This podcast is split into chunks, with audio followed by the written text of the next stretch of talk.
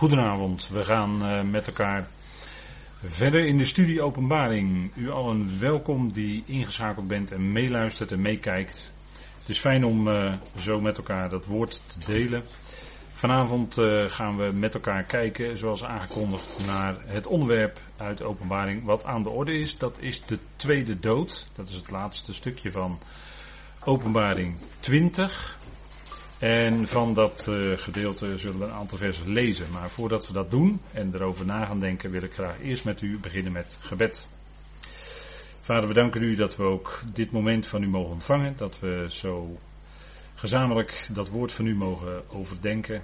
Dank u wel voor de duidelijkheid die uw woord verschaft. Als we dat nauwkeurig volgen. Dank u wel dat u ons zoveel heeft geschonken. Zoveel waardevols. En Vader, we zijn ons soms niet zo bewust dat we eigenlijk heel erg veel mogen weten. Doordat u ons dat woord heeft onthuld. En Vader, dat is diepe genade, dat is liefde van u, dat u ons zo koestert. We danken u dat we die verbondenheid hebben met broeders en zusters wereldwijd. En dank u wel dat we geroepenen van Christus Jezus zijn. En dank u wel dat we ook dat profetische woord mogen zien. En dat is ook een woord waarin u zichzelf onthult, waarin u licht verschaft. Al wat openbaar maakt is licht. En vader, dat hebben we zo nodig in deze tijd, die bol staat van de leugen en de verwarring. En we danken u dat we ook daarin die koers van uw woord, van die waarheid van uw woord, vast mogen houden. En u houdt ons vast. Dank u wel dat uw armen onder en rondom ons zijn, ook vanavond. En wilt u ons leiden door uw geest in die waarheid van uw woord. Geef ons een horend hart, dat we die liefde van uw hart mogen verstaan. Vader, mag dat zich uitwerken in ons leven naar die ander toe, dat we die ander waarachtig kunnen liefhebben. En ook bij gelegenheid, als u het geeft, die waarheid mogen brengen. We danken u dat we zo vanavond daar stil mogen staan. We danken u voor uw goedheid en trouw. In de naam van uw geliefde Zoon, onze Heere Christus Jezus. Amen. Goed, ik wilde dan met u kijken naar studie nummer 68, is het alweer de tweede dood. En we schrijven vandaag 8 juli 2021. En we gaan maar gelijk maar met elkaar lezen. Openbaring 20, vers 14. Daar staat. En de dood en het onwaarneembare werden geworpen in het meer van het vuur. Dat is de tweede dood, het meer van het vuur. En indien iemand niet gevonden werd geschreven te zijn in de boekrol van het leven, werd hij geworpen in het meer van het vuur. En dan nog openbaring 21 vers 8. Voor de beangstigende echter en ongelovigen en gruwelijken en moordenaars en hoereerders en tovenaars en afgodendienaars en alle leugenaars. Hun deel is in het meer dat brandt van vuur en zwavel. Dat is de tweede dood. Dus u ziet hier een aantal keer dat die tweede dood expliciet genoemd wordt. En we zijn die uitdrukking ook al tegengekomen in de eerdere hoofdstukken, de eerste hoofdstukken van de openbaring.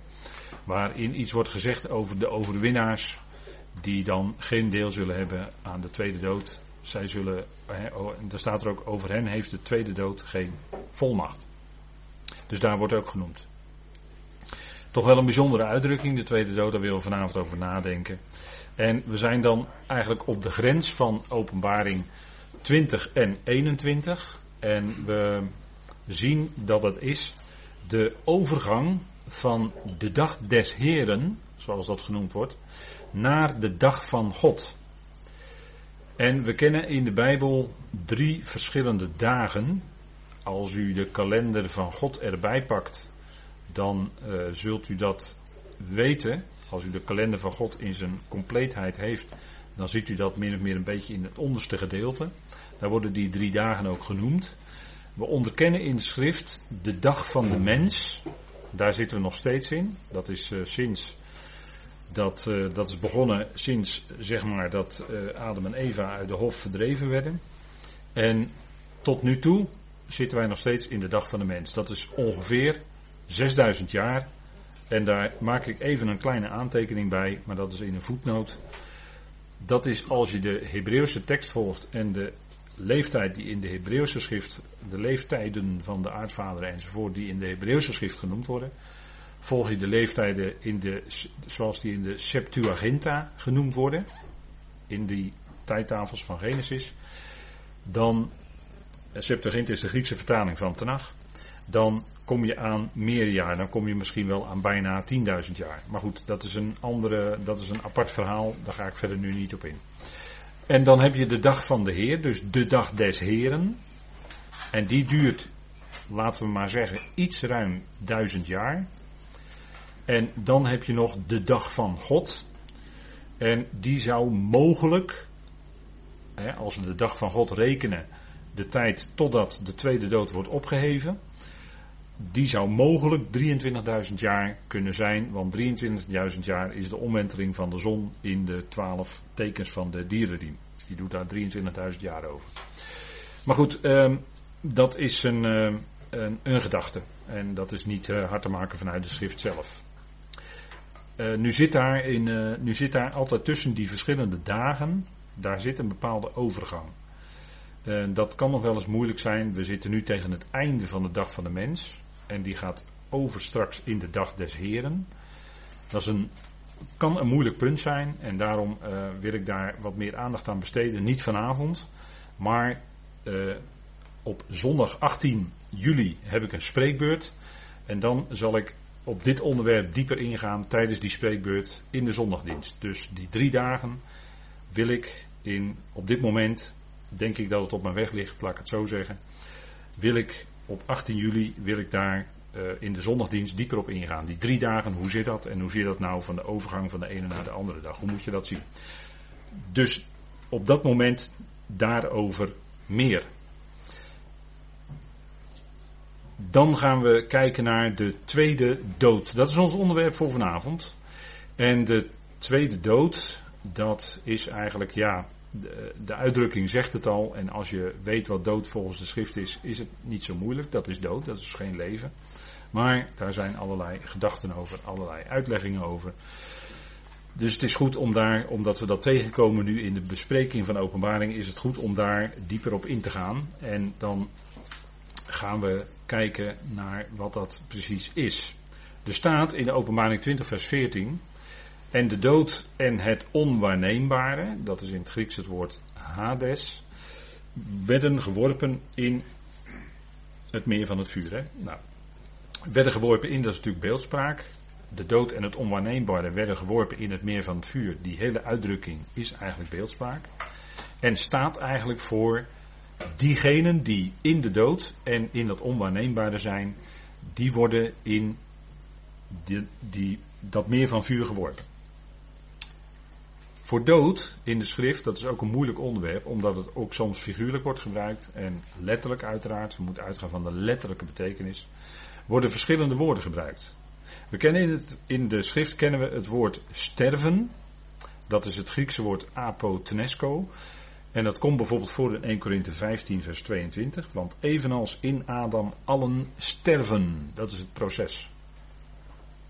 Dat is dus een specifieke Grieks werkwoord wordt daarvoor gebruikt. Dan hebben we het woord thanatos. Dat is het woord dat hier in de openbaring ook gebruikt wordt. En dat is de uitdrukking voor het doodgaan. Dus daadwerkelijk het voltooiing van het stervensproces. En het daadwerkelijk, laten we maar zeggen, de laatste adem uitblazen. Dat geldt zowel voor mens als dier. Dat is het moment van het doodgaan. En dat wordt in de schrift genoemd. Dat, daarvoor wordt in de schrift het woord thanatos gebruikt. Dan hebben we het woord necron. En dat betekent eigenlijk dood zijn. Dus dat is eigenlijk het resultaat van het doodgaan. Dat is de doodstoestand waarin de mens is. Ter dood brengen of doden, uh, dat is het werkwoord wat met necron te maken heeft. En dat hebben we onlangs ook besproken in de Colossensbrief. Uh, in Colossense 3 vers 5, zoek dan even met u op. Daar wordt het woord uh, necroo gebruikt, dus dat is het werkwoord. Wat met dood zijn te maken heeft. Uh, Colossense 3 vers 5 en er staat breng dan ter dood. Jullie leden die op de aarde zijn, hoererij, onreinheid, hartstocht, kwade beheerte en de hebzucht die afgodendienst is. Dus daar wordt voor dat brengt ter dood, daar wordt dat woord dat werkwoord necroo gebruikt. En dat is hier necron en dat is dood. Hier heb ik dan opgezet dood zijn. Dat is de toestand. Dat wordt bijvoorbeeld gebruikt in Lucas 24 vers 5. Lucas 24 vers 5. En daar lezen wij Lucas 24 vers 5. Dat lezen we ook even met elkaar. Er staat, en toen zij zeer bevreesd werden en het gezicht naar de grond bogen, zeiden die tegen hen, hè, dat is dus degene die de, de boodschappers ontmoeten. En die mensen die daar waren, Petrus en Johannes enzovoort, die bogen hun hoofd naar de grond en zeiden tegen hen, en die boodschappers zeiden tegen die mensen, waarom zoekt u de levende bij de doden? Bij degenen die dood zijn, want die, zijn die worden begraven. Althans, in die tijd werden ze nog begraven. Tegenwoordig is dat allemaal anders, maar. En dat woord. Uh, en nog even terugkomen op dat woord thanatos, dat woord doodgaan. Dat wordt in Romeinen 5, vers 12 gebruikt. En daar noemt Paulus dat heel duidelijk, Romeinen 5, vers 12. En er staat daarom, zoals door één mens de zonde in de wereld is gekomen en door de zonde de dood. En zo de dood tot alle mensen is doorgegaan. Waarop staat er dan, hè, niet in wie, maar er staat waarop allen gezondigd hebben. Dus dat, die dood die zorgt ervoor, hè, de dood zit in de mens. En die zorgt ervoor dat de mens zondaar is. Dat is een doelmist. Dat hij doelmissende daden doet. Dus die drie verschillende woorden wil ik even, even apart zetten, omdat het even, even laten zien dat er dus verschillende woorden in de schrift voor gebruikt worden. Hier in openbaring 20 vers 14 nogmaals wordt het woord dood, dus thanatos gebruikt. En die werd in, de, in het meer van vuur geworpen. Dat wil zeggen, degenen die in die dood waren, die worden erin geworpen. Het onwaarneembare, dat kan ook wijzen op het onwaarneembare is, uh, dat is een letterlijke vertaling van het woord Hades of Sheol. En dat kan ook wijzen op degenen die onwaarneembaar waren. Dus dat zou mogelijk ook zelfs op geestelijke machten kunnen duiden. Maar dat ligt niet direct voor de hand. Maar dat is een suggestie. Goed, we gaan door. En het dood en het onwaarneembare werden geworpen in. Het onwaarneembare, dat wijst eigenlijk op de ziel, hè, als het om dood gaat. De ziel gaat, om het zomaar te zeggen, naar het onwaarneembare. Die uitdrukking heeft te maken, als een mens sterft, met de ziel. Zoals in Psalm 16 genoemd wordt. U zult mijn ziel niet overlaten in het onwaarneembare. Die tekst wordt geciteerd door Petrus in Handelingen 2, vers 23. Als hij spreekt over de opstanding van Christus. Dan citeert hij door de geest geleid Psalm 16, vers 10. En dat dus van de Christus eigenlijk geprofiteerd werd in die psalm. Dat zijn ziel niet in het onwaarneembare zou worden overgelaten.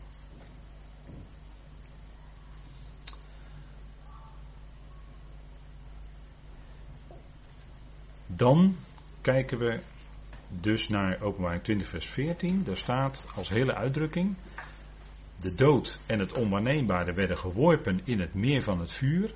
En er staat erbij, dat is de tweede dood, het meer van het vuur. Heel letterlijk staat er dan in het Grieks, dat is de dood de tweede, dus het twee keer een lidwoord wordt er dan gebruikt, het meer van vuur.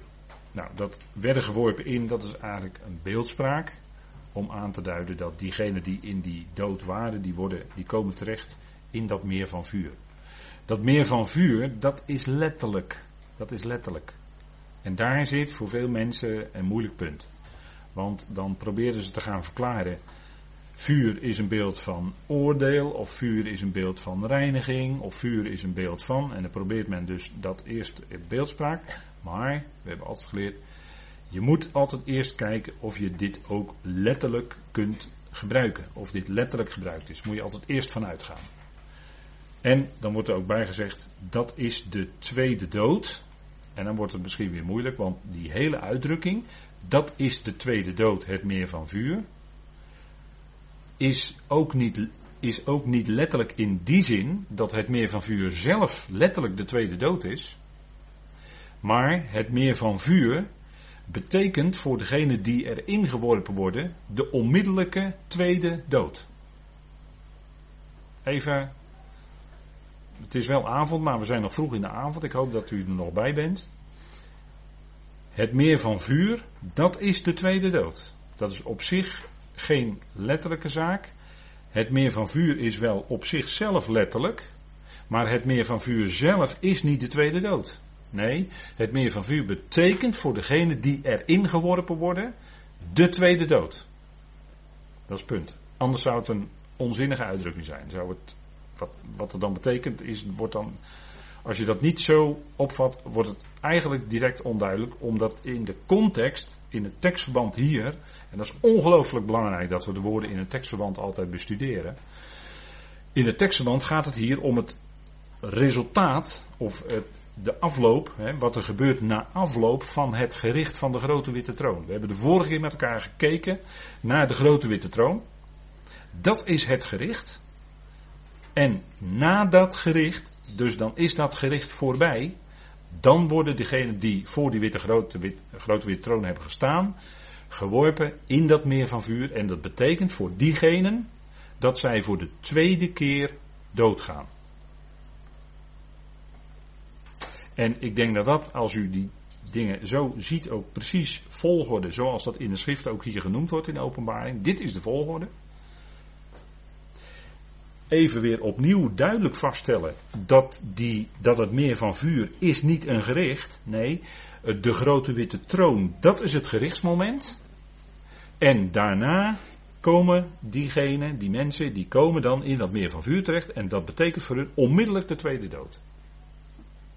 Als je in zo'n zee van vuur wordt geworpen, dan zul je al niet eens meer voelen dat je, zul je al bijna niks meer voelen van de vlammen, want de adem wordt je direct ontnomen en je sterft eigenlijk vrijwel onmiddellijk. Dus dat is het effect wat het heeft als die mensen in dat meer van vuur geworpen worden. Anders wordt hier gesproken over werpen in. En dat meer van vuur, waar dat dan ook is, ik heb hier een eh, foto bij gezet van de Dode Zee. En uh, er zijn uitleggers die denken dat die poel des vuurs of dat meer van vuur dan die plek is van wat nu de Dode Zee is. Dat zou kunnen, dat is een mogelijkheid. Maar goed, ik geef het u maar mee ter overweging dat die gedachte bestaat. De tweede dood. Dan gaan we ons afvragen, wat is dood volgens de schrift? En dat is altijd even goed om dat opnieuw met elkaar vast te stellen. Misschien zegt u, ja, dat weet ik al lang. Nou goed, dan is het een herhalingsexercitie. En uh, repetitio est mater studiorum, zegt mijn schoonvader altijd. Dus die herhaal ik nog maar eens een keer. Herhaling is de basis van het leren. Hè? En uh, mensen die pedagogiek hebben gehad, die weten dat als geen ander. De tweede dood. En dan vragen we ons af, wat is dood? En wie komen erin? En wie ondergaan dat? Of wie ondergaan dat? Wat is dood volgens de schrift? En dit plaatje erbij vond ik wel aardig, daar kwam ik tegen. Dat is in het uh, Zuid-Afrikaans. Hij is hier niet, maar hij, is, maar hij het opgestaan. Dan hoort u het ook eens in het Zuid-Afrikaans. Dat is ook wel leuk, denk ik. Maar wat is dood volgens de schrift? De dood volgens de schrift is dit. We lezen, ik heb het hier ook aangehaald op de dia, Genesis 3, overbekende tekst. In het zweet van je aangezicht wordt tegen de mens gezegd, nadat hij gezondigd heeft, zul je je brood eten totdat je tot de aardbodem terugkeert. Want je bent daaruit genomen, want stof ben je en tot stof zul je terugkeren. Nou, laten we maar even het houden bij stof. De mens is geformeerd uit de bovenste laag van de aarde. En daar bij de dood keert hij daarnaar terug. Dat is een belangrijk woord. Dat is in het Hebreeuws het woord shuf. Terugkeer.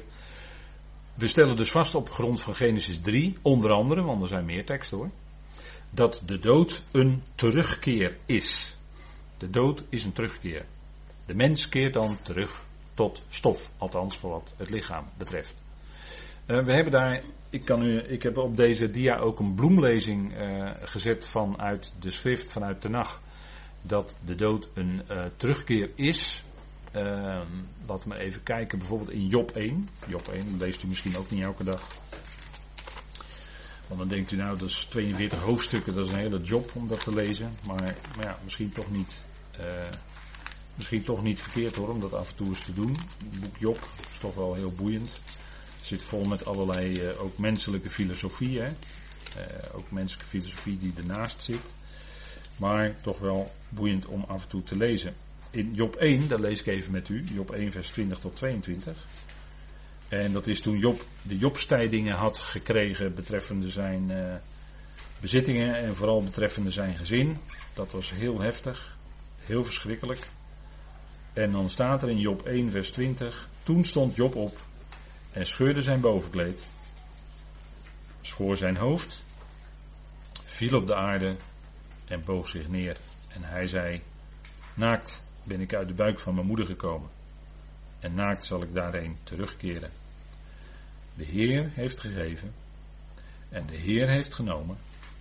De naam van de Heer zij geloofd. In dit alles zondigde Job niet en schreef hij God niets ongerijms toe. Dus als je dan gehoord hebt wat Job toen hoorde en wat Job overkwam, dat hij dit zegt. Hij zegt, de Heer heeft gegeven, de Heer heeft genomen de naam van de Heer zij geloofd. Als je dat kunt zeggen op zo'n moment, dan zondig je met je lippen niet. Want God is het niet bepaald, uiteindelijk. En dit was heel moeilijk in het leven van Job. En hij stelde ook vast: Naakt zal ik daarheen terugkeren. En dan wees hij op zijn sterven. Want dan heb je niks meer. Als je sterft, heb je niks meer. Want dan een doodshemd heeft geen zakken, enzovoort, enzovoort dan keer je terug. Dus Job zei dat ook, hè? hij keerde terug. Hij keerde terug. En zo zijn er nog diverse teksten in Job. Nou, we gaan even door naar de psalmen. Psalm 9. In psalm 9 wordt het ook genoemd. En in het woord uh, wat we net. Woord terugkeren is hetzelfde Hebreeuwse woord wat ik net noemde in Job 1. Hè.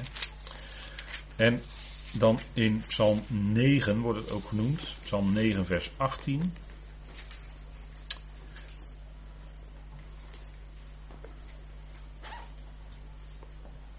Er staat, en we, ja, we moeten toch voor, omwille van de tijd uit, de, uit het een losse tekst lezen, niet in tekstverband. De goddeloze keerde terug naar het Sheol toe, niet naar de hel toe, maar naar de Sheol toe. Alle natieën die God vergeten. Dus dat duidt op de dood, hè? de terugkeer. De goddeloze keren terug naar het onwaarneembare, zegt Psalm 9, vers 18. Dus ook hier wordt vastgesteld de dood is een terugkeer. Dan in Psalm 90. Psalm 90.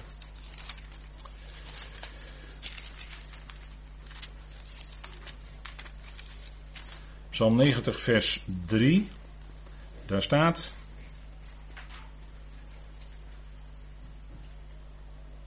Ja, van Olaam tot Olaam bent u God.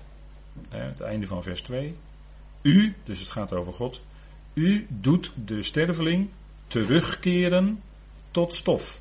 En zegt, keer terug, mensenzonen, want duizend jaren zijn in uw ogen als de dag van gisteren wanneer die voorbij gegaan is. Dus opnieuw stelt de psalmist ook hier vast, God doet de sterveling terugkeren tot stof. God had tegen de mensen gezegd, tot stervens toe zul je stervend zijn, tegen Adam. Dus ook daadwerkelijk zou de mens het eindresultaat van het sterfproces gaan meemaken. Hij zou daadwerkelijk doodgaan. En dat noemen wij dan ook sterven. Maar het is dan doodgaan als resultaat van dat proces. En de schrift noemt dat dus, nogmaals hier, een terugkeer. Een terugkeer. En dan prediker 12 vers 7, dat is natuurlijk ook een bekende. Prediker 12 is wel mooi omschreven als de mens ouder wordt. Hè, dan, uh, dan wordt de rug wordt krom en dan worden de, zijn de tanden niet meer zo goed enzovoort enzovoort. Hè. Maar dan staat er in uh, Psalm 12 vers 7. En er staat, en het stof terugkeert naar de aarde zoals het was. Dus het gaat over sterven van de mens. En de geest, dat is natuurlijk het levensbeginsel, de levensadem. Terugkeert tot God die hem gegeven heeft.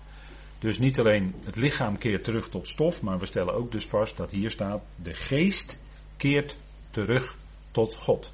Dus die geest keert ook terug. Ook daarvoor wordt het woord terugkeren gebruikt. Terugkeren. En dan kunnen we ook lezen in de psalmen, psalm 104, vers 24 tot en met 30 en prediker 3, dat mens en dier hetzelfde overkomt. Laten we nou even kijken in prediker 3. Prediker is een mooi boek en beschrijft de betrekkelijkheid van het leven. En dat kunnen we zo inzien. En naarmate je steeds ouder wordt, ga je steeds meer de betrekkelijkheid van het leven inzien. Hè? Van wat is nou een dag, of wat is nou een week, of wat is nou een maand, of wat is nou een jaar. Het gaat allemaal als een zucht aan je voorbij.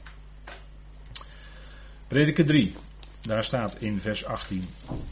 Wat de mensenzonen betreft, zei ik in mijn hart dat God hen zal toetsen. En dat zij zullen inzien dat zij voor zichzelf als de dieren zijn. Want wat de mensenzonen overkomt, overkomt ook de dieren. Hun overkomt één en hetzelfde. Zoals de een sterft, zo sterft de ander. En ze hebben allen één en dezelfde adem. De mensen hebben niets voor op de dieren, want alles is vluchtig of ijdelheid of enzovoort. En ze gaan allen naar één plaats, zij zijn allen uit het stof en zij keren allen terug tot het stof. Wie merkt op dat de adem van de mensenkinderen naar boven stijgt en de adem van de dieren naar beneden daalt naar de aarde? Maar goed, eh, dat laat ik even voor wat het is. Het is in ieder geval dat mens en dier overkomt hetzelfde. Terugkeer. De dood is een terugkeer, dat zegt de schrift. Heel duidelijk. Lichaam keert terug tot stof. Levensadem, de geest keert terug tot God. En de ziel die keert terug naar het Sheol, naar de Hades. En de ziel die is er dan niet meer. Hè? Die ziel is onwaarneembaar. Die ziel is niet. Ja, dat moeten we maar even dan samenvattend zeggen vanavond. De ziel van de mens is niet een apart iets. Ook in theologie wordt dat vaak met elkaar verwisseld, de geest en de ziel. Maar de ziel is er niet meer zodra de levensadem en het lichaam van de mens uit elkaar vallen. En dat gebeurt, en dat uit elkaar vallen gebeurt bij de dood. Dan gaat de geest, de levensadem gaat terug naar God. Lichaam keert terug tot de aardbodem. Die twee zijn dus uit elkaar, die twee componenten om het zo maar te zeggen, die zijn dan uit elkaar en dan is er ook geen ziel meer. Die ziel is dan weg, die bestaat niet meer, die is er niet meer. Dat wil zeggen onwaarneembaar en dan is de passende uitdrukking Hades of Sheol. Dat is precies, dat zijn exact de woorden die de schrift daarvoor gebruikt. De mens, zegt de schrift ook, is een ziel. Er wordt in de schrift ook gesproken over dode zielen. Dus het is niet zo, de, de, de leer van de onsterfelijkheid van de ziel is dan ook een dwaalleer. Is een leer die afwijkt van de schrift. Is een onderwijzing die je in de schrift niet vindt. De leer van de onsterfelijkheid van de ziel werd door de slang al gelispeld in de hof. En u weet wat de slang doet. De slang doet aan afleiding. De slang leidde Eva af van waar het om ging. Keerde de ogen naar dat die boom van kennis van goed en kwaad toch wel beheerlijk was om daarvan te eten. Dus uh, leidde af. En de mens kwam in verwarring, de vrouw kwam in verwarring en zondigde. En dat is altijd de tactiek van de tegenstander. Afleiding van de waarheid, afleiding waar het echt om gaat en brengen in verwarring en dus in de leugen. Dat is, hij tenslotte de vader van de leugen. En dan sta je, dan komt die mens daarin en is sindsdien daar ook in gebleven. Tenzij God het geeft dat die mens bij de waarheid blijft of die waarheid gaat kennen. Dus de ziel van de mens bestaat niet meer op het moment dat de mens sterft. Dan is de ziel weg. Die is dan niet ergens, die is dan niet in een dodenrijk of zo, want de NBG-vertaling dodenrijk is erg ongelukkig wat mij betreft. Want dan lijkt het net alsof de ziel ergens toch nog verblijft in het rijk van de doden en daar een soort bewust bestaan heeft. En dan komt weer via een omweg de onsterfelijkheid van de ziel om de hoek kijken. Maar dat is dus een onbijbelse leer. De schrift leert dat ten ene male niet. Je kunt daar geen teksten voor vinden. Er zijn wel teksten die misschien dat lijken te zeggen, maar dat is dan ook vaak het gevolg van een verkeerde vertaling. En we zouden zo een heel rijtje teksten kunnen noemen die uh, door de vertalers verkeerd zijn vertaald uh, vanuit de leer van de kerk of vanuit de leer van de, wat, uh, van, van de. Maar de schrift leert nu eenmaal niet de onsterfelijkheid van de ziel. Dat is absoluut een onbijbelse leer. De mens weet dan ook, kijk, wij kunnen die mens ook niet meer zien. Wij kunnen die mens niet meer waarnemen op het moment dat die mens overleden is. Dan is het voorbij, dan is het over. Die mens is er dan gewoon niet meer. En die mens zelf ervaart in de dood dan ook niets. Want de ziel heeft te maken met het bewustzijn. Als een mens dood is, be, uh, beleeft de mens niets. Er is niets. Ook even goed vaststellen wat dood is volgens de schrift. We zien de bevestiging daarvan ook bij de Heer. De Heer zei als laatste woord aan het kruis: Vader, in uw handen beveel ik mijn geest. Dat wil zeggen, hij gaf, hij gaf zijn geest bewust terug aan de Vader. Zijn geest keerde dus terug tot God. Exact wat prediker zegt. Daar is natuurlijk geen enkele discrepantie in. Daar, dat is exact hetzelfde getuigenis van de schriften. Zijn geest keerde terug tot God. En nogmaals, die tekst die Petrus ook aanhaalde in Psalm, uit Psalm 16, want u zult mijn ziel niet in de Hades verlaten. Dus zijn ziel keerde terug tot Hades. Niet waarneembaar. Op het moment dat de Heer overleden was, was hij er niet meer. Was hij er niet. Men kon niet meer met hem spreken, hij sprak niet meer met anderen. Nee, op dat moment was het volledig.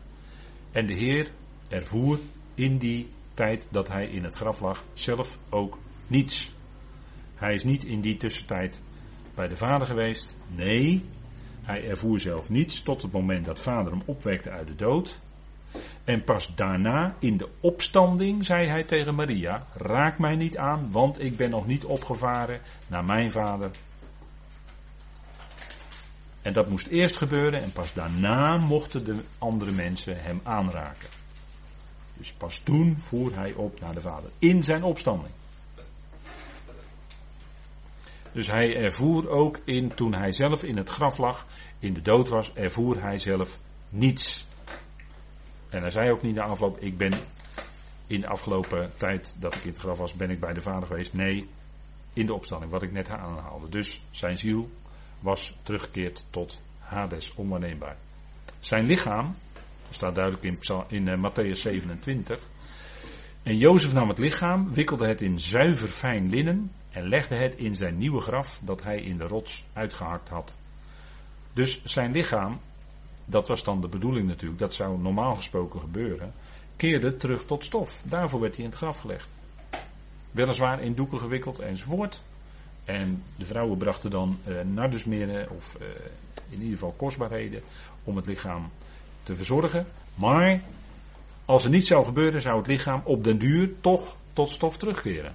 Zo zou het zijn. Dat hij opgewekt werd op de derde dag, dat is natuurlijk wat anders. Dus ook daarin is geen verschil met wat de schriften tot dan toe hadden bekendgemaakt. En daarna is ook geen verschil. Psalm 146 zegt ook: Zijn geest gaat uit van de mens weg. Hij keert terug tot de aardbodem op die dag vergaan zijn plannen. dat is een, een, extra getuigenis vanuit de schrift dat de mens op het moment dat hij sterft, vergaan de plannen. Dus dan is er niets meer, is er geen overleg meer, geen, geen, geen bewustzijn meer. En dat zegt prediker ook. Hè. In de dood is geen bewustzijn. Nogmaals, prediker 9. Natuurlijk heel bekend. Maar altijd goed om dat met elkaar vast te stellen als we het erover hebben. Maar de doden weten helemaal niets. Zij hebben ook geen loon meer, maar hun nagedachtenis is vergeten. De doden weten niets. Dat is wat de schrift zegt. En iedereen die uh, op een of andere manier het op een andere manier wil zien, dat de doden toch bewust zijn, of dat de, hè, en ook met gelovigen wordt er vaak gedacht van als een gelovige sterft, gaat de gelovige naar de Heer toe. Maar dat is niet wat de schrift zegt. Dat kun je nergens uit de schrift hard maken. En het, op het moment van de vereniging met de Heer is pas op het moment van de bazuin van God. Daar wordt dat hele lichaam verzameld in de lucht bij de Heer en daar is de ontmoeting met de Heer. Pas dan, niet eerder dus. Tot de ontmoeting van de Heer in de lucht. Zegt 1 Thessalonicense 4, vers 15 tot en met 18. Heel duidelijk. Daar is die ontmoeting, niet eerder. En dan kun je allerlei gedachten erbij hebben. En heel mooi, van dat het allemaal troost zou zijn als je weet dat, dat, dat die medegelovige, de familielid, nu al bij de Heer zou zijn. Nee, maar de schrift zegt dat gewoon niet. De troost van de schrift is dat er in de toekomst opstanding komt. De doden in Christus zullen opgewekt worden. Op de dag dat de bazuin gaat. En dan zullen wij allemaal samen met hen tegelijk de Heer ontmoeten in de lucht. Dat is je troost. Dat is je uitzicht. Dat is ook wat we lezen op het graf als iemand begraven wordt. En natuurlijk doen we dat met verdriet in ons hart. Daar zitten allerlei emoties bij. Natuurlijk, natuurlijk. Maar we laten dan ook horen wat de schrift zegt als troostvol woord. En dat is wat Paulus daar ook bij zegt in 1 Thessalonicense 4. Bemoedigt elkaar of vertroost elkaar dan met deze woorden. Daarom lezen we die woorden op het graf. En, en, en, en tussendoor kunnen we elkaar ook steeds bemoedigen. Het, het, troostvolle woord uit de schrift is dat er in de toekomst, dat het niet bij de dood blijft, maar dat God in de toekomst doet opstaan. Dat Hij levend maakt. Dat is je troost. En dat mogen wij weten. En in de tussentijd is de Heer nabij. En hij kent je tranen. En dat doet ze in zijn leren kruik. En hij weet ervan. En hij is bij je leven betrokken. En hij koestert je. En hij troost je op het moment dat het nodig is. Hij is nabij. En hij kent het verdriet. Maar dat verdriet zal overgaan in vreugde. Een vreugde die veel langer zal duren dan het tijdelijke verdriet. Dat neemt het verdriet niet weg. En het kan heel schrijnend zijn. En misschien wel met het jaar schrijnender worden. Dat, dat, dat, dat, is, dat is zeker zo. We ook nooit bagatelliseren. Maar de troost uit de schrift is dat er opstanding komt in de toekomst. En dan zullen we elkaar weer terugzien. Dan zullen we ook, daar ben ik van overtuigd, dan zullen we elkaar ook weer herkennen. Dan zullen we elkaar ook weer herkennen. Want we houden toch een zeker, we zijn nu unieke mensen. Ieder mens is verschillend, ieder mens is uniek. En die uniekheid zal ook voortbestaan in de opstanding als u het mij vraagt. En de nagedachtenis van de mensen wordt vergeten. Ja, de mensen worden vergeten. Kan een generatie overheen gaan dat iemand nog goed herinnerd wordt, of twee generaties, maar daarna worden mensen vergeten. En dan is het geschiedenis en wat er eventueel aangetekend is, dat wordt dan nog herinnerd. We lezen ook, uh, ik lees nog één tekst in verband daarmee. Prediker is natuurlijk een bekende, maar bijvoorbeeld Psalm 115, ook even meenemen nog in dit verband. Psalm 115. En daar staat ook in vers 17: De doden zullen de Heeren niet prijzen, evenmin al wie in de stilte neergedaald zijn. Evenmin al wie in de stilte neergedaald zijn. Dus de heiligen van Tenach, die op, op zullen staan bij de opstanding van de rechtvaardigen, die prijzen de Heer dus nu ook niet. En de gelovigen van het licht van Christus die overleden zijn, prijzen de Heer nu ook niet. Dat geldt ook net zo voor de gelovigen die ontvallen zijn in deze tijd. Dus daar geldt hetzelfde voor. De tweede dood. We hebben nu met elkaar gesproken over wat is de eerste dood. En dan gaan we naar de uitdrukking de tweede dood.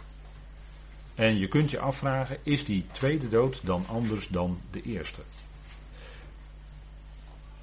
Als we kijken in de schrift wat er allemaal tweede wordt genoemd, dan kun je dat eigenlijk heel makkelijk beantwoorden.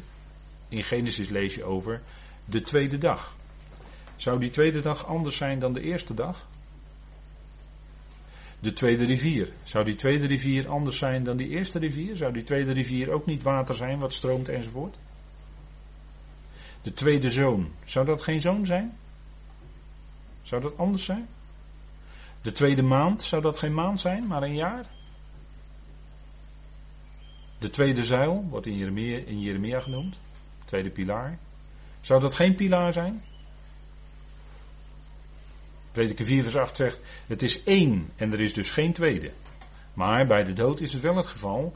Je hebt de eerste dood. Ieder mens ontkomt daar dus niet aan, aan die eerste dood. En we hebben nu vastgesteld, even in vogelvlucht volgens de schrift wat het is. een terugkeer en er is geen bewustzijn in de eerste dood. En dan wordt er gesproken over de tweede dood. En in het licht van die andere uitdrukkingen zou die tweede dood dan dus anders zijn dan de eerste dood? Sommigen die gaan redeneren, maar ik zeg het al gelijk erbij. Hè? Sommigen gaan redeneren en dan komen ze tot een andere conclusie. Terwijl als we de schrift volgen en de uitdrukking volgen, dan is, wordt er gezegd, het is de tweede dood. En is dood dan hetzelfde als leven? Want als je het anders wil zien, dan wordt het leven. Hè? Dan wordt het toch een soort bewust voortbestaan. Is dood dan iets hetzelfde als leven? Nee, want het woord dood wordt gebruikt. Eigenlijk is het dan heel eenvoudig. Hè? Eigenlijk is het dan niet moeilijk meer. Dood is geen leven. Ja, dan zegt u ze intrappen van een open deur. Ja, nou, maar toch even goed om het duidelijk vast te stellen. Hè? Dood is geen leven, nee, het is dood. En daar waar dood in de schrift, hier wordt het letterlijk gebruikt, maar daar waar dood in de schrift figuurlijk wordt gebruikt, is het juist extra sprekend als je de letterlijke betekenis weet. Maar je moet altijd uitgaan van ten eerste de letterlijke betekenis. Dus die tweede dood zou die dan anders zijn dan de eerste? Als u het mij vraagt, de vraag stellen is hem eigenlijk al beantwoorden. Het is de tweede dood. De tweede dood. Als we kijken naar uh, de, een vergelijking maken tussen de eerste en de tweede dood, dan zoomen we even wat op een andere manier wat dieper erop in. Dan is de eerste dood is het gevolg van een natuurlijk proces. Dat hebben we gezien. Hè? Ieder mens is stervend sinds Adam en Eva. En ieder mens ondergaat ook in principe uiteindelijk het gevolg van dat natuurlijke proces. Er is dan één uitzondering, dat moet ik dan natuurlijk wel zeggen. Dat zijn degenen die leven op aarde als de bazuin van God klinkt. 1 Korinthe 15 zegt dat Paulus onze geheimenis meedeelt, dat wij niet alle zullen ontslapen. Niet alle zullen wij ontslapen. Maar we zullen de levenden, die leven op het moment dat de bazuin klinkt, die zullen dan veranderd worden. Die zullen veranderd worden. Dus dat is een kleine groep die daarvan uitgezonderd is. Maar bij de eerste dood is het standaard en daar gaan we allemaal naartoe. Als de Heer nog toeft te komen, dan gaan we er allemaal naartoe. Het gevolg van het natuurlijk proces, daar zal een keer het moment komen dat wij daadwerkelijk komen te overlijden. De tegenstander wil de mens daarmee angst en schrik aanjagen. Die heeft het geweld van de dood, zegt de Hebreeënbrief. En die wil de mens, en ieder mens is ook uh, in principe bang voor de dood. Die angst kun je wel kwijtraken als je het evangelie leert kennen. Als je Gods liefde leert kennen. Want de volkomen liefde van God drijft de vrees en angst uit, uit de mensenhart. Maar dat is niet vanzelfsprekend. En bij de enige gelovige zal dat in een proces eh, misschien meer gebeuren dan bij een andere gelovige. Dus dat, is, dat weten we niet. Hoe God dat uitwerkt in ieders leven. Maar in principe, de eerste dood, dat is het gevolg van een natuurlijk proces. En het betreft alle mensen. Alle mensen vanaf Adam zijn stervend en zullen ook een keer doodgaan. Dan betreft het dus als we geestelijk kijken, gelovigen en ongelovigen. Er zijn al heel veel gelovigen in de loop van de tijd geweest. En die zijn ook allemaal gestorven. Die zijn ook allemaal overleden. Abraham, David, Sarai, Deborah, noem maar op. Van de gemeente, het lichaam van Christus.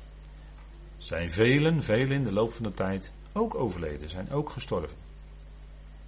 En die zullen allemaal opgewekt worden op verschillende momenten. De leden van het van Christus op dat ene moment. Dan krijg je daarna de opstanding van de rechtvaardigen. En dan uiteindelijk de opstanding ook bij de grote witte troon. Kijken we naar de tweede dood, dan zien we dat dat het gevolg is van Gods rechtvaardige handelwijze. Dus bij de tweede dood is het niet meer het resultaat van een stervensproces. Nee, is het het resultaat van dat wat gebeurd is voor de grote witte troon. Dat is nu afgesloten. En als resultaat daarvan in de tweede dood. Bij de tweede dood gaat het om heel wat mensen. Maar niet om alle mensen. Want de gelovigen in de loop van de tijden, die zijn daarvan uitgezonderd. Die komen niet in de tweede dood. Dat wordt zelfs ook tegen de overwinnaars in de openbaring gezegd. En wij als gelovige leden van het lichaam van Christus, voor ons is er geen veroordeling in Christus Jezus. Dus wij komen niet voor de grote witte troon en dus ook niet in de tweede dood. Bij de tweede dood betreft het uitsluitend ongelovigen die daarin terechtkomen. Gelovigen komen daar niet in terecht. En wordt ook gezegd dat degenen die niet geschreven zijn, hè, moet goed opletten wat er staat. Degene die, hebben we in vers 15 gelezen, degene die niet beschreven staan in het boek van het leven, wat te maken heeft, hè, de boekrol van het leven heeft te maken met Israël. Degene die daar niet ingeschreven staan, die komen in de tweede dood. Dan kun je daaruit de conclusie trekken, degene die wel geschreven staan in het boek van het leven, die komen niet eens voor de grote witte troon en dus ook niet in de tweede dood. Het is het boek van, de boekrol van het leven. En dus komen ze niet in de tweede dood. Dus dat even, als we even inzoomen hè, op die verschillen tussen de eerste en de tweede dood, dan denk ik dat we hier wel een punt hebben.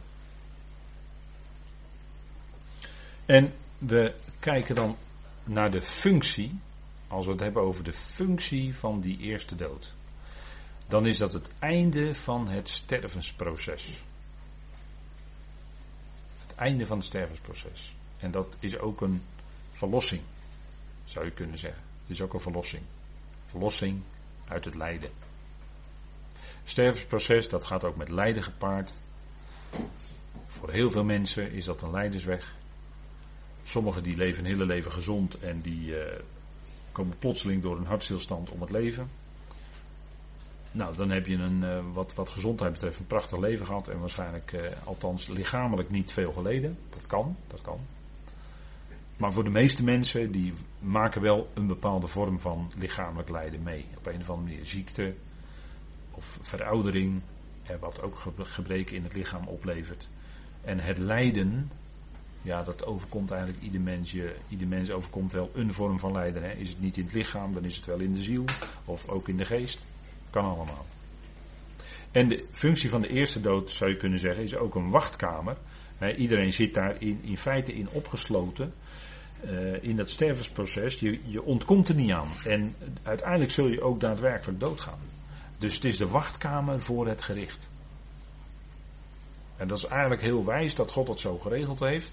Want op het moment dat de mens sterft, voor de eigen ervaring zal het zo zijn Eén seconde later doet, hij de, ogen, doet de mens de ogen weer open en is het moment daar van de grote witte troon.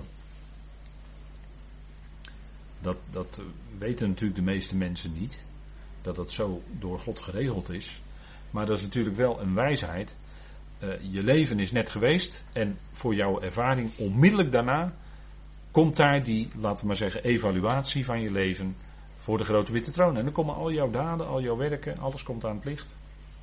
Dan, dan kun je nergens meer achter verschuilen. Daar zijn geen uh, geheime uh, kamertjes meer of wat dan ook, achter, achterkamertjes of weet ik wat. Nee, dat is allemaal open in het licht, vol in het licht van God. En dan komt, dan komt ook alles aan het licht. Al wat openbaar maakt is licht. Daar wordt alles openbaar. En daar zullen de mensen dan, hebben we de vorige keer ook gezien aan de hand van Romeinen 2, de mensen zullen daar verdrukking ondergaan, benauwdheid, eh, lijden in de ziel enzovoort. Vanwege waarschijnlijk de enorme zware druk die dat gericht zal opleveren. Want ook de motieven van het hart zullen bij die grote witte troon aan de orde komen. Niet alleen de uiterlijke daden van de mens, maar ook het innerlijk, dus de motieven van het hart, zullen ook daar bekend worden. En dan zullen de mensen daar nog dieper door het stof moeten, om het zo maar te zeggen. En worden ze direct met de Heer geconfronteerd. En ook het doordringende licht. En ik ben ervan overtuigd, de boekrollen worden dan geopend. Ik ben er dan ook van overtuigd dat de schriften opengaan. En dat de mensen geconfronteerd worden met de schriften. En als de mensen tijdens hun aardse leven al met die schriften te maken hebben gehad, zal dat alleen maar des te klemmender op hen drukken dat ze ook bij tijd en wijle heel bewust uh, in, in, in Romeinen 1 uh, kun je dat ook vaststellen. Dat de mensen heel bewust wel ergens waarschijnlijk weten dat God de schepper is, maar dat bewust wegdrukken. Uit hun leven, uit hun redeneren. En misschien zich daar wel hun hele leven ontzettend verzetten tegen God. Want als je God erkent, ja, dan heeft dat ook, dan heeft dat ook natuurlijk gevolgen voor het moreel, om het zo maar te zeggen. Heeft dat ook gevolgen voor hoe je leeft. Als je God gaat erkennen, heeft gevolgen voor je leven. Dan, want dan komen die wetmatigheden van God ook naar voren natuurlijk. Als je God gaat erkennen. Ja, en dat zal ook een, dat zal dan de, de hè, want de wetteloosheid zit in het vlees van de mens. Dan zal die wetteloosheid ook teruggedrongen worden. En dat, dat realiseren mensen zich natuurlijk als ze, als ze gaan erkennen dat God werkelijk de schepper is. Ja, dan moet je, dan moet je ook verder gaan, dan moet je ook B zeggen. En dat zal de gevolgen hebben voor je leven. En dat drukken mensen dan, dat kan een motief zijn voor mensen. En ik, ik ben ervan overtuigd dat het vaak ook heel bewust een motief is om God weg te duwen. En het is wat anders dat die mensen zich dan niet bewust zijn dat ze in de greep gehouden worden van hun eigen vlees of van de, van de geest van de tegenwerker enzovoort. En uiteindelijk nog veel dieper dat uiteindelijk dat ook past in Gods plan. Dat is wat anders. Dat is, maar dat is ook zo natuurlijk. Maar voor de bewuste ervaring van de mens is het vaak zo dat de mens bewust dat wat van God komt wegduwt. En dat komt voort uit de gezindheid van het vlees. Want lezen wij niet in Romeinen 8 dat de gezindheid van het vlees vijandschap is tegen God? Het punt hè. Een belangrijk punt. En de gezindheid van de geest is leven en vrede. Ja, ook vrede met God. En die twee gezindheden, die, dat is constant bij de mens. En het punt is dat dus de dood, de eerste dood, is dus de wachtkamer, zou je kunnen zeggen, voor het gericht. En het is voor de, voor de, voor de overledene is het dit en hij staat voor de grote, en hij, zij staat voor de grote witte troon. En dan, uh, komt, uh, ja, dan komt alles aan het licht. Dan komt alles aan het licht.